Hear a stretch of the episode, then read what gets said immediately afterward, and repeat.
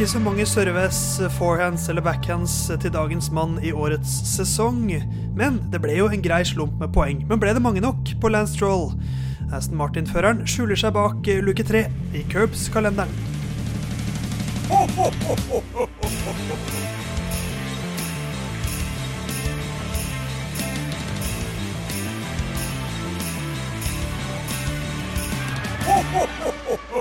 Første søndag i advent. Du hører på Lina Curb sin julekalender. Theis er mitt navn. Bak spak og klaff sitter jeg på andre siden av Oslo, Jon Halvdan Halvorsen. Hvordan er første søndag i advent for deg og dine? Uh, den er fin. Nå er det en uke til. Jeg vet at den her leilighetsføljetongen, den er lang. Men nå er det en uke til jeg overtar. Så det, det blir spennende. Hyggelig også for din bror Andreas å få vite litt om ditt uh, boligkjøp og salg. Det setter ja. han pris på, vet jeg. Ja. Uh, og, det får han jo kun høre her. Ja, I dag uh, skal det handle om i Lyden av Curbs en kar som jeg mistenker at har muligheten til å kjøpe flere boliger enn de fleste. Det gjelder jo de fleste Formel 1-førere, men noen Formel 1-førere har mer penger enn de andre. Mm. Lance Stroll-familien, i hvert fall. hans familie har mye penger. han får også litt tid i dagens luke. Um, Strulovic, hva skal vi begynne med? Begynne med Herman sine tanker, da? Ja, hvorfor ikke? Lance Stroll uh, føler jeg var fullstendig avskrevet for noen løp siden. Begynte jo sesongen med de her uh, brukne håndledda og kom jo litt uh, skeivt i gang.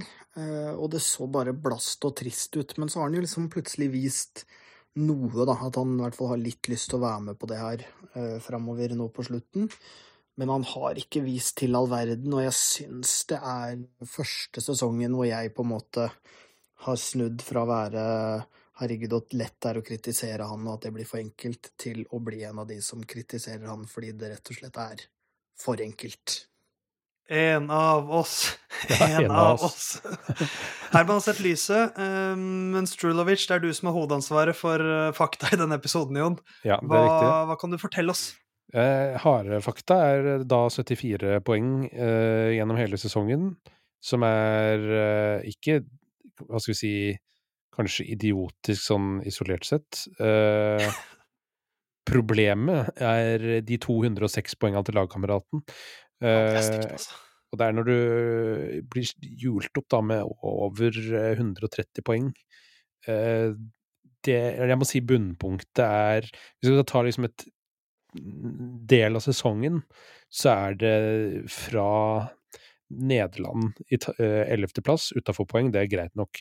Men så kommer Italia, et enkelt Grand Prix-løp eh, i så måte. Det var ikke en bane Alonso gjorde all verdens på, men han fikk da iallfall poeng. 16.-plass. Så uh, krasjer han jo bilen i Singapore under uh, så han får ikke starta det løpet. Um, og bryter i Japan etterpå, og fullfører utafor poeng igjen.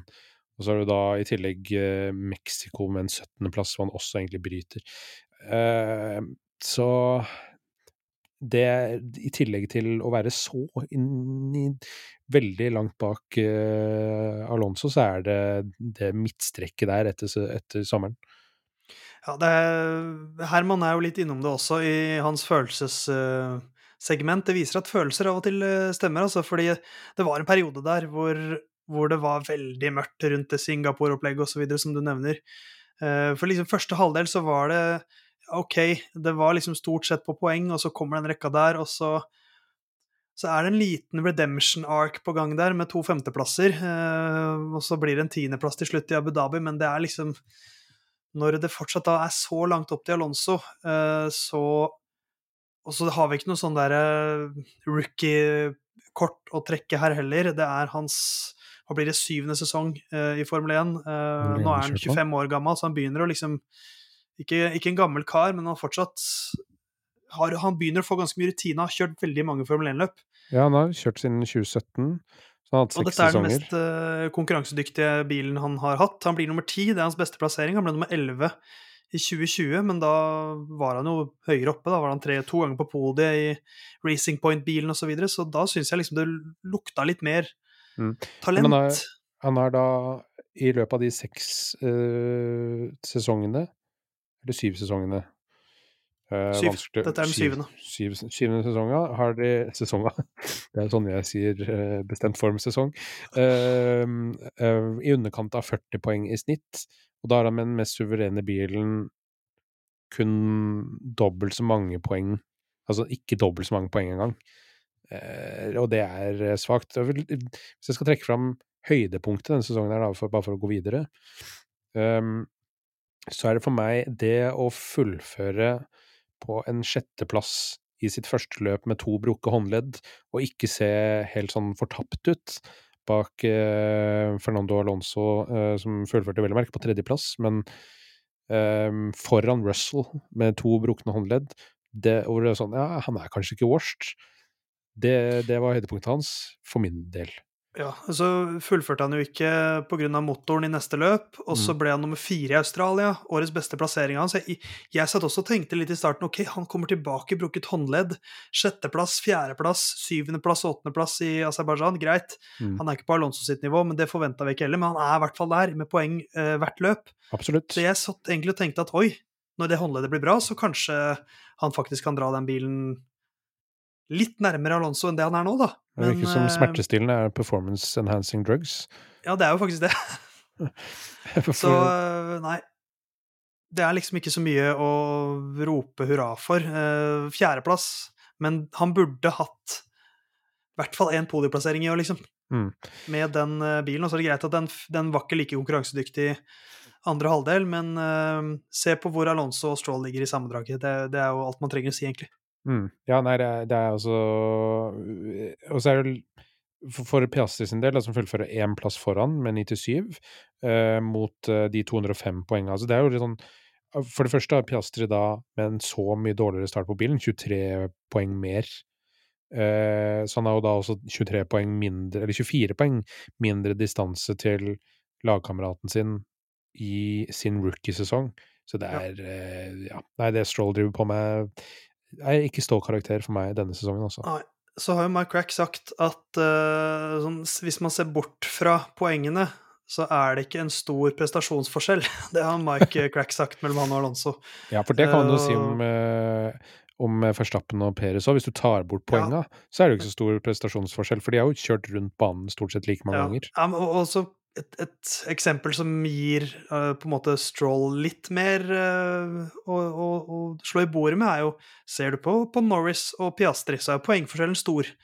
Men så sitter vi fortsatt og tenker at prestasjonen er jo kjempebra, men det igjen handler litt om at Piastri er førsteårsgutt, mens Stroll har syk, eh, sykla og kjørt.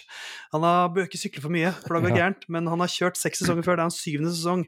Ja, men det er han, er jo, han har jo en slags rullende pluss én-kontrakt hele tiden. Ja, og det, men det er jo poenget mitt òg, at distansen mellom Norris og Piastri er mindre Ja. enn det er mellom Stroll og uh, Alonso. Men uh, fremtiden, da? Uh, inneholder den tennis, eller, eller mer Formel 1? Han skal kjøre neste år også, det vet vi. Ja, det, jeg håper jo at den inneholder tennis Altså, kan man ikke gi De har Drøgovic da i det der systemet. Kan man ikke gi en sånn alternerende kontrakt eller et eller annet sånn Stroll, nå er det fint vær, nå kan du drive på med tennis litt. Eh, og så bare har vi inne Drøkovic litt, og, så kan du få poenget hans Vi kan late som at du får poenget hans etterpå, men eh, la, oss, la oss teste ut det. For jeg, jeg er på ekte litt spent. Han er 25 år gammel. Eh, Hvis han vil, og hvis pappaen lar ham, så kan han jo kjøre Formel 1 i 13 Ti. år til. Men hvis han nå begynner å selge seg litt ut av Mr. Lawrence, så Ja, han, han beholdt en aksjemajoritet, men bare det at han selger seg litt ut, er jo også et tegn på at uh, mm. Ja, jeg skal fortsatt ha kontrollen, men det er ikke, jeg må ikke ha alt å si Nei. lenger. Så jeg tipper at uh, jeg, jeg tror kanskje Lance Stroll er ferdig i Formel 1 før han fyller 30. Men han skal kjøre neste år også. Jeg tror, ikke, jeg tror det blir akkurat som i år. Han er liksom uh, førernes has. Ja. Han er der. Ja, han er der. Men eh, han kommer også til å gi oss noen eh, julegaver, Jon, av meg. Eller til meg så gir han et rør med tennisballer. Ja, til For han meg er ikke mer kreativ enn det. Han er ikke Nei. en kreativ gutt. Nei, og til meg gir han en kasse med lønnesirup. Pass på at du holder deg unna ballene mine, hvis det er lov å si. Det, Eh, For da blir det ikke vanskelig å spille tennis. Ja, det må være lov. Eh, det var Lance Stroll. I morgen så skal vi til den iberiske halvøy. Eh, Vi skal til Spania i den fjerde luken av lyden av Curbs sin julekalender. Håper du koser deg på den første søndagen i advent. I morgen kommer den første mandagen i advent. Det er min favorittdag.